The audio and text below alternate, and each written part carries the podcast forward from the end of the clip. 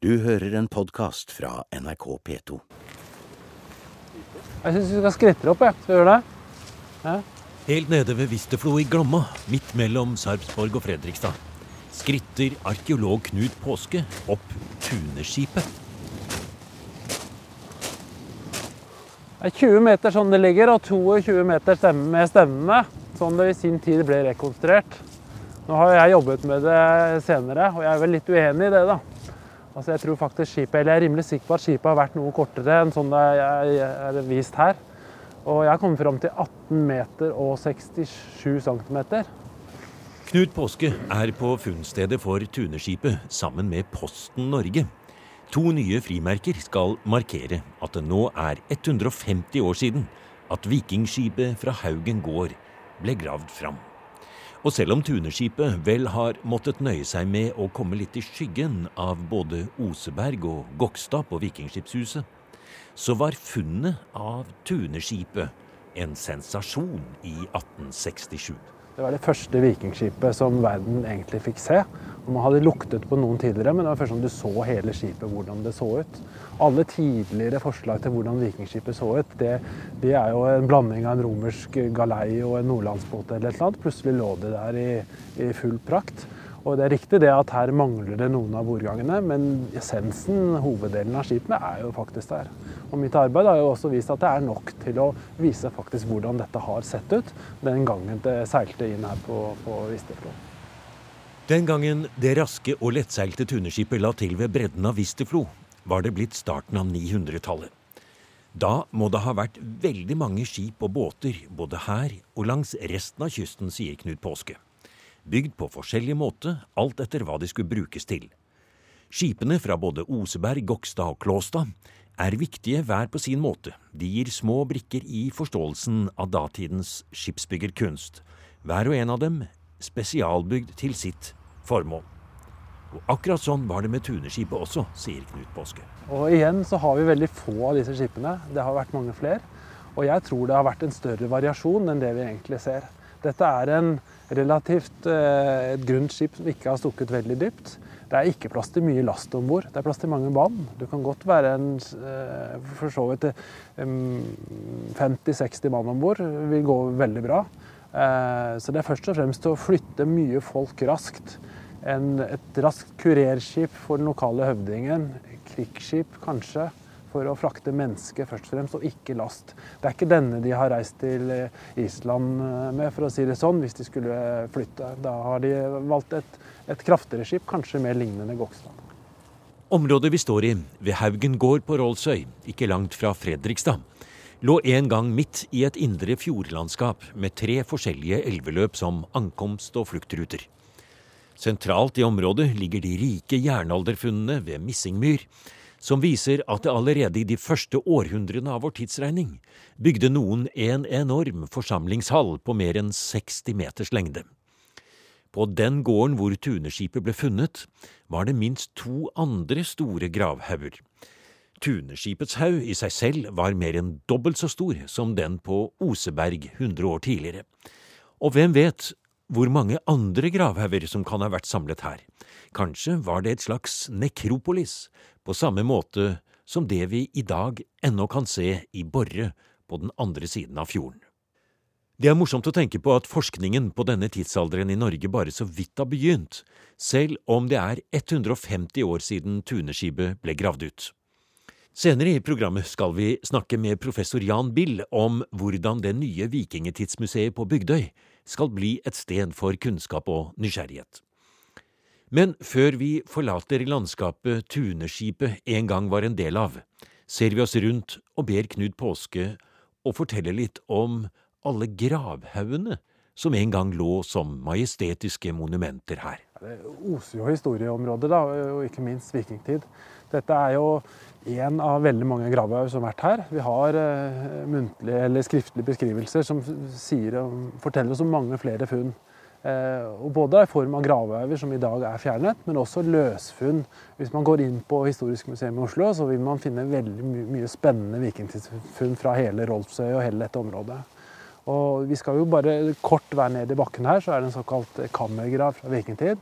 Også en veldig spennende funn. Det har vært veldig få kammergraver i Norge, og de er også veldig rikt utsmykket og, og rikt eh, med gjenstandsfunn. Og, så, og, noe av dette er selvfølgelig funnet, men det aller fleste det er kanskje det spennende. Det aller meste ligger jo her ute ennå.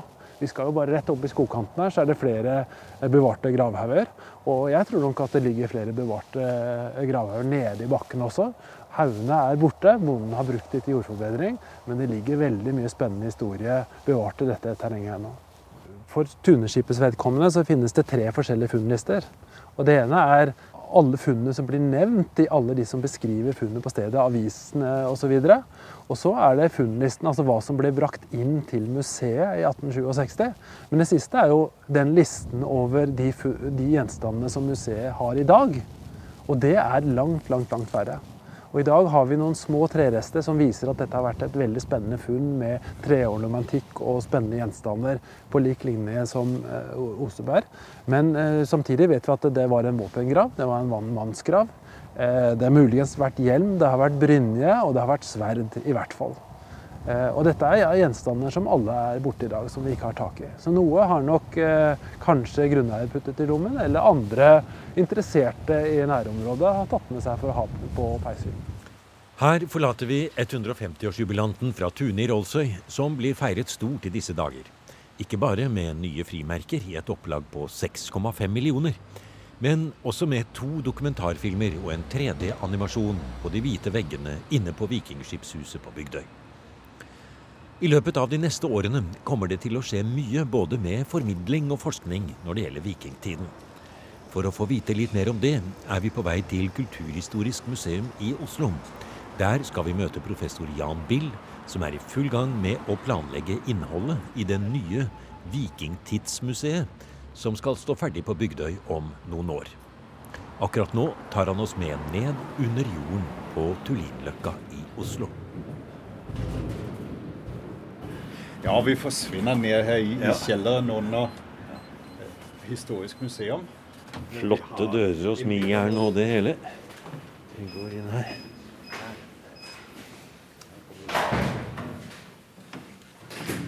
Det tar vel noen år å lære alle disse inngangene. Her går vi for Å, fonnefunn! Og mange fine, gamle montre. Å, her, det, er jo, det er jo bare liksom, For hver meter her så er det et nytt museumsprogram. og så står, er vi jo nå også inne i noe av de flotteste funnsamlinger som er, når vi går gjennom magasinene her nede under Kulturhistorisk. Har du sett på maken? Det er nesten mer spennende å gå her Jan, enn det er oppe i de faste utstillingene. ja, det er det. Jeg syns det i hvert fall. Det er veldig mye det vi egentlig skal snakke med Jan Bill om, er hva han vil fylle det nye museet med. Hvordan de tenker i de mange grupper og utvalg som akkurat nå gjennomgår tegninger og kaster baller til hverandre, om hvordan Norges nye vikingtidsmuseum skal sette nye standarder for formidling og forskning. Og ikke minst alt det nye publikum skal få se. Alle de gjenstandene som i årevis har ligget i magasinene og som nå skal skinne i det nye museet. Da er det jo et fint sted å begynne, i den gamle Oldsak-samlingens magasiner. Og hvorfor ikke med 150-årsjubilanten fra Tune, som på mange måter var startskuddet for vikingetidsforskningen i Norge. Ja, da står vi her blant alle de her arkivskapene som er rett og slett fullt med arkeologi. Eh, og det er jo bare en liten del av alt det som vi har der. Ehm, vi har jo kanskje verdens største vikingtidssamling med mange tusentalls funn. Og de kommer jo også å danne en veldig veldig viktig grunnlag for uh, det nye museet som vi skal lage. For en av de tingene som har vært fremme, er jo at Kulturhistorisk museum har så mye som aldri har blitt vist frem. Én ting er de faste utstillingene her, som kanskje har stått litt lenge. holdt jeg på å si. En annen ting er jo at det er veldig mye som aldri har vært utstilt her. Ja, det henger jo nå sammen med at, at man gjerne har bygget opp en basisutstilling. Eh, og den har så fått lov til å stå i veldig lang tid.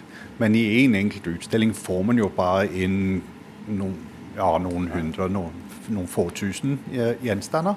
Eh, og når de så blir stående der i årti etter årti, så er det jo veldig mye annet som må bli liggende i magasinene. Og det kommer jo nye ting til også. Det kommer til nye ting hele tiden, men så skjer det også det at forskningen gjør jo at vi får et endret syn på mange av de gjenstandene som ligger nede i magasinet. Og plutselig en dag så er det kanskje en gjenstand som ikke er så veldig flott, men som viser seg å ha en helt utrolig spennende historie. Og da er det jo tid å ta den fram. Ja. Og nettopp det at man ikke tidligere har hatt denne muligheten til å ha en fleksibel utstilling av ting og stadig skifte på det og vise publikum hvordan nettopp det endrer seg, dette synet på hva som er viktig, hva man vil vise fram, det må jo være noe av det fine man da skal få med det nye museet. Det er lige presis der vi gjerne vil hen da. at, det at vi ved hele tiden å utvikle utstillingene, hele tiden å, forske på gjenstandene. Eh, da håper vi at, at mye mer av alt det som vi har å vise, det faktisk kommer fram og blir brukt. La oss nå se på noe av det du har her. Her er det litt som det skal være trangt, og her står det ting utover. Og vi må gå forsiktig for ikke å rive ned noe her. Nå kommer vi ned blant reolene. Her. Ja, Vi kan prøve å ta et, et titt inn i det skapet her. Ja. Um, Utenfor Her er det mange hyller nedi veldig anonymt ut, da. Ja, Men, Nå um, setter vi oss ned på huk her og kikker litt. Her ligger det mange plastesker innover her, og det står tall C4183 strek. Vi trekker den ut litt. Jeg holder litt i det hjørnet her. Ikke for langt, nei. Nei, det skal vi ikke risikere. Skal vi ikke ha.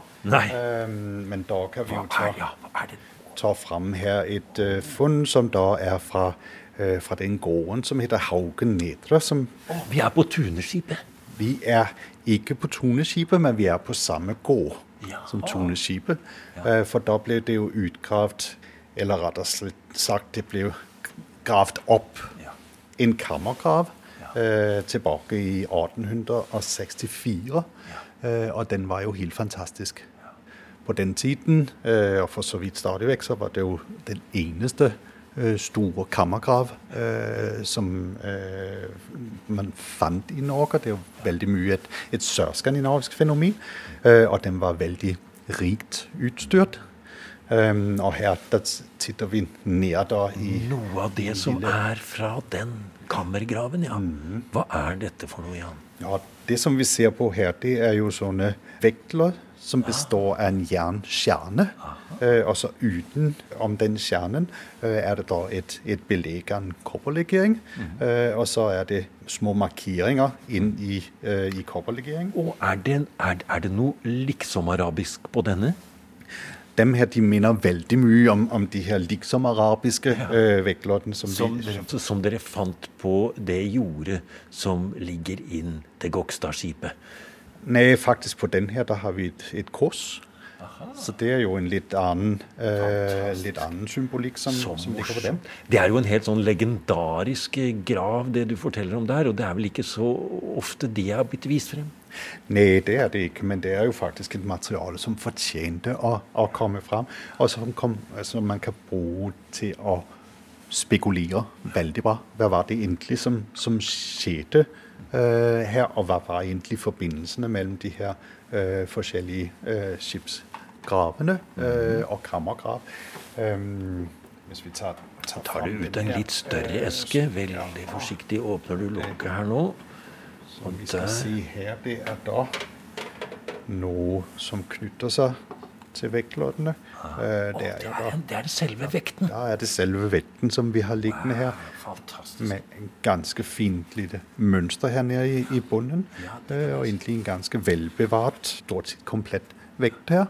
Ja. Som har ligget da eh, begravd i den her kammergraven eh, sammen med et par hunder og en mm, Et par hunder? et par hunder, ja.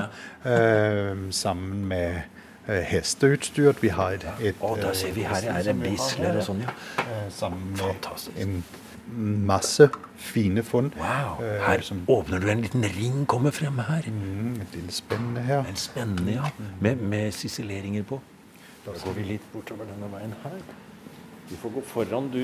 Ja, vi skal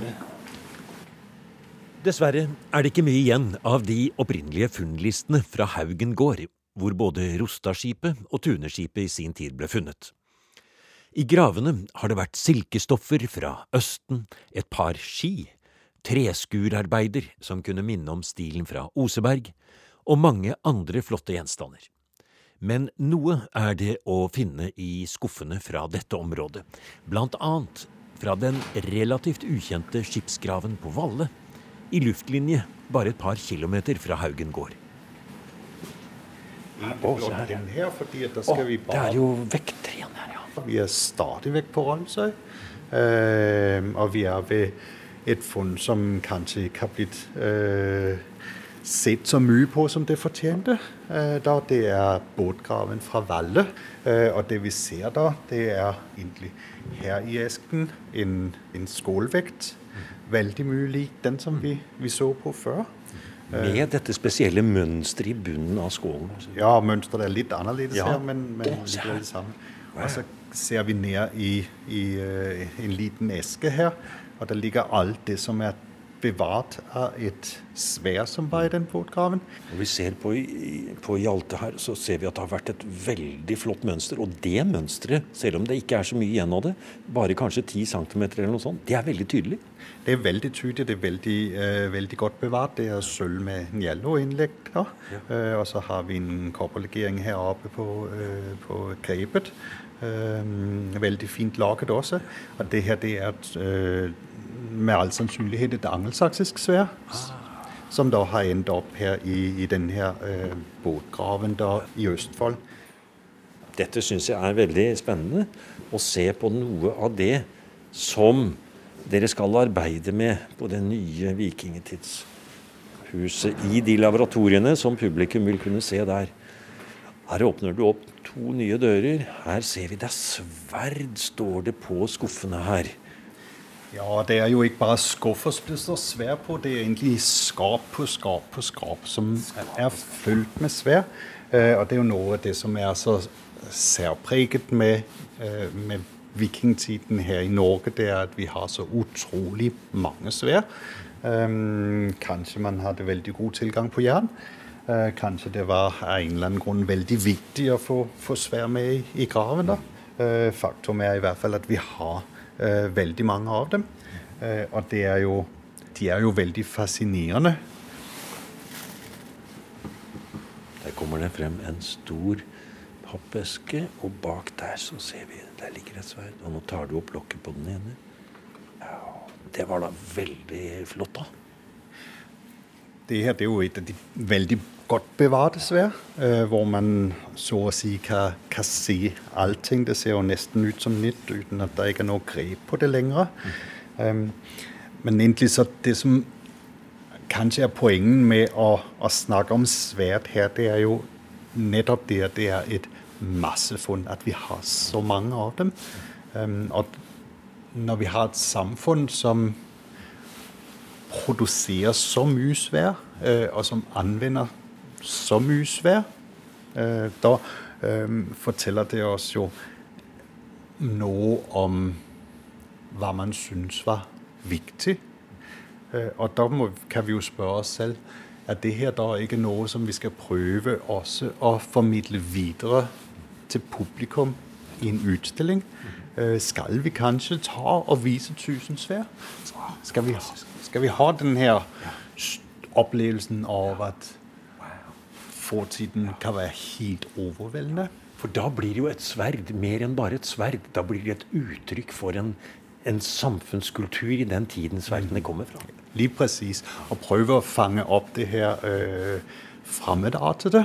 Øh, prøve å, å vise på hvor mye annerledes fortiden var. Øh, det tror jeg er en viktig ting å gjøre som museum, fordi at vi intuitivt har så lett ved å forstå fortiden som var det vår samtid, var litt annerledes. Og kanskje blir det en vegg med tusen sverd i det nye museet. Kanskje møter publikum de glemte, eller i hvert fall ukjente skipsgravene. Og kanskje kan man for første gang få se de rike funnene som til nå har vært forbeholdt forskere i Oldsak-samlingens magasiner. For ikke å snakke om besøk fra internasjonale vikingtidsutstillinger. Det er i hvert fall helt sikkert, sier professor Jan Bill, at alle muligheter er åpne, i tillegg til at man vil få se de kjente skipene med en høy stjernehimmel over, halvt nedsenket i gulvet i det nye museet. Man vil kunne se skipene helt nært, som i dag, men også på litt avstand, noe man jo ikke kan i dag. Og avstand trenger man i overført betydning, også til den noen ganger litt vel nasjonalistiske og gammeldagse oppfatningen om at vikingtiden var norsk. Um, og det som vi tenker oss at det skal bli, det er jo at det skal først og fremst være et museum for dem som er nysgjerrige på vikingtid. Så det skal være et sted hvor man kan gå hen, og så får man den aller seneste, den aller ferskeste, den mest aktuelle forskningen presentert i en utstilling som, som ikke bare handler om, om norsk vikingtid, hvis det er noe som heter det, uten at det er, er vikingtiden, den store historien som vi forteller om, men selvklart med et stort fokus på de veldig flotte funn som vi har fra landet. Altså Først og fremst så er det jo litt meningsløst å snakke om Danmark og Norge og Sverige i vikingtid. Øh, for det er jo øh, kongedømmer som egentlig øh, til stor del oppsto i løpet av vikingtiden. og kanskje til og med etterpå, eh, og som vi kanskje skal se på med noen helt andre briller. Altså Her har vi samfunn som holder på å utvikle seg under sterk, sterk innflytelse fra det som skjer på kontinentet og i England, eh, og som hele tiden er i forandring opp gjennom den perioden som vi kaller vikingtid. Og først på sluttet av den perioden, eh, da begynner vi å kunne se konturene av noe som, som er veldig likt det som vi ser i andre deler av Europa. Men jeg synes kanskje noe av det som vi ofte overser litt i, øh, i vikingtidsforskningen, og kanskje særlig her i Vest-Skandinavia, det er jo hvor viktig kontaktene østerut var for vikingtiden. For det var jo gjennom kontaktene østerut at veldig stor del av sølvet øh, kom til Skandinavia. Øh, og det var også derifra at man hentet veldig mye av, av den luksus som man trengte. Eh, om det nå skjedde gjennom direkte ruter østerut, øh, via Birka, via Gotland osv., eller om det øh, skjedde via en omvei nedover øh, Bysants. Der var jo forskjellige muligheter.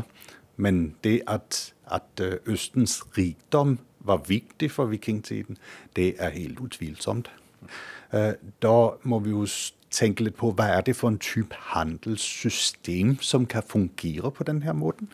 Eh, og da blir det fristende å forestille seg at her er det ikke eh, å forstå på den måten at frie kjøpmenn liksom beveger seg rundt og handler, uten at her handler det kanskje mer om personlige kontakter, om handelsnettverk, om avtaler mellom mennesker over store avstander som har gjort at man har kunnet ferdes relativt trygt fram og tilbake og, og handle selv fra en liten handelsplass i Øst-Norge. Øh, og så øh, få tak på varer som har beveget seg helt fra Volga i Russland og, og hit. da. Og så noe som er veldig spesielt for det her museet, øh, og veldig, veldig bra Øh, det er at her inne i, i kjernen, altså halvdelen av den her indre gårdsrommet, øh, det er i, en etasje fylt opp med et, med et område som består av laboratorier og verksteder. Som øh, er der hvor at vi kan jobbe dels med utstillinger osv., men også jobbe med forskning. Så forskningen som hele tiden skal føde det her museet, sånn at utstillingene bestandig blir ved med å være øh, helt oppdaterte. Den kan faktisk foregå i lokaler i kjernen av bygget. Ja. Øh, og det er lokaler som er øh, til en viss grad transparente. Altså man kan se inn som publikum, eller man kan til og med komme inn øh, og, øh, og, se hva som foregår, øh, når vi har aktiviteter som egner seg for det. Og nettopp det her med å prøve å smelte sammen øh, utstillingen, fortellingen, med øh, det å vise hvordan ny kunnskap blir skapt det tenker vi er veldig viktig i dag, øh, fordi at vi har et, et publikum som forventer mye mer av oss og vi konkurrerer med mange flere som forteller om hva vikingtid er for noe. Eh, og da vil vi gjerne eh, kunne vise på at, at kunnskap er ikke noe som vi trekker opp av en svart eh, flosshatt. Det er noe som vi, eh, vi produserer gjennom eh, solid arbeid. da. Så det er rett og slett slik at laboratoriene, eh, forskningsverkstedene, blir en del av attraksjonen når man besøker det nye vikingskipsmuseet, Vikingetidsmuseet? Ja, nettopp. Og vi håper på at vårt museum skal bli et sted hvor at alle som interesserer seg for vikingtiden, at de har lyst til å komme dit ikke bare én gang, men igjen og igjen og igjen. Fordi at det rett og slett foregår veldig spennende ting hele tiden. Du har hørt en podkast fra NRK P2. Send gjerne en e-post til museum krøllalfa nrk.no.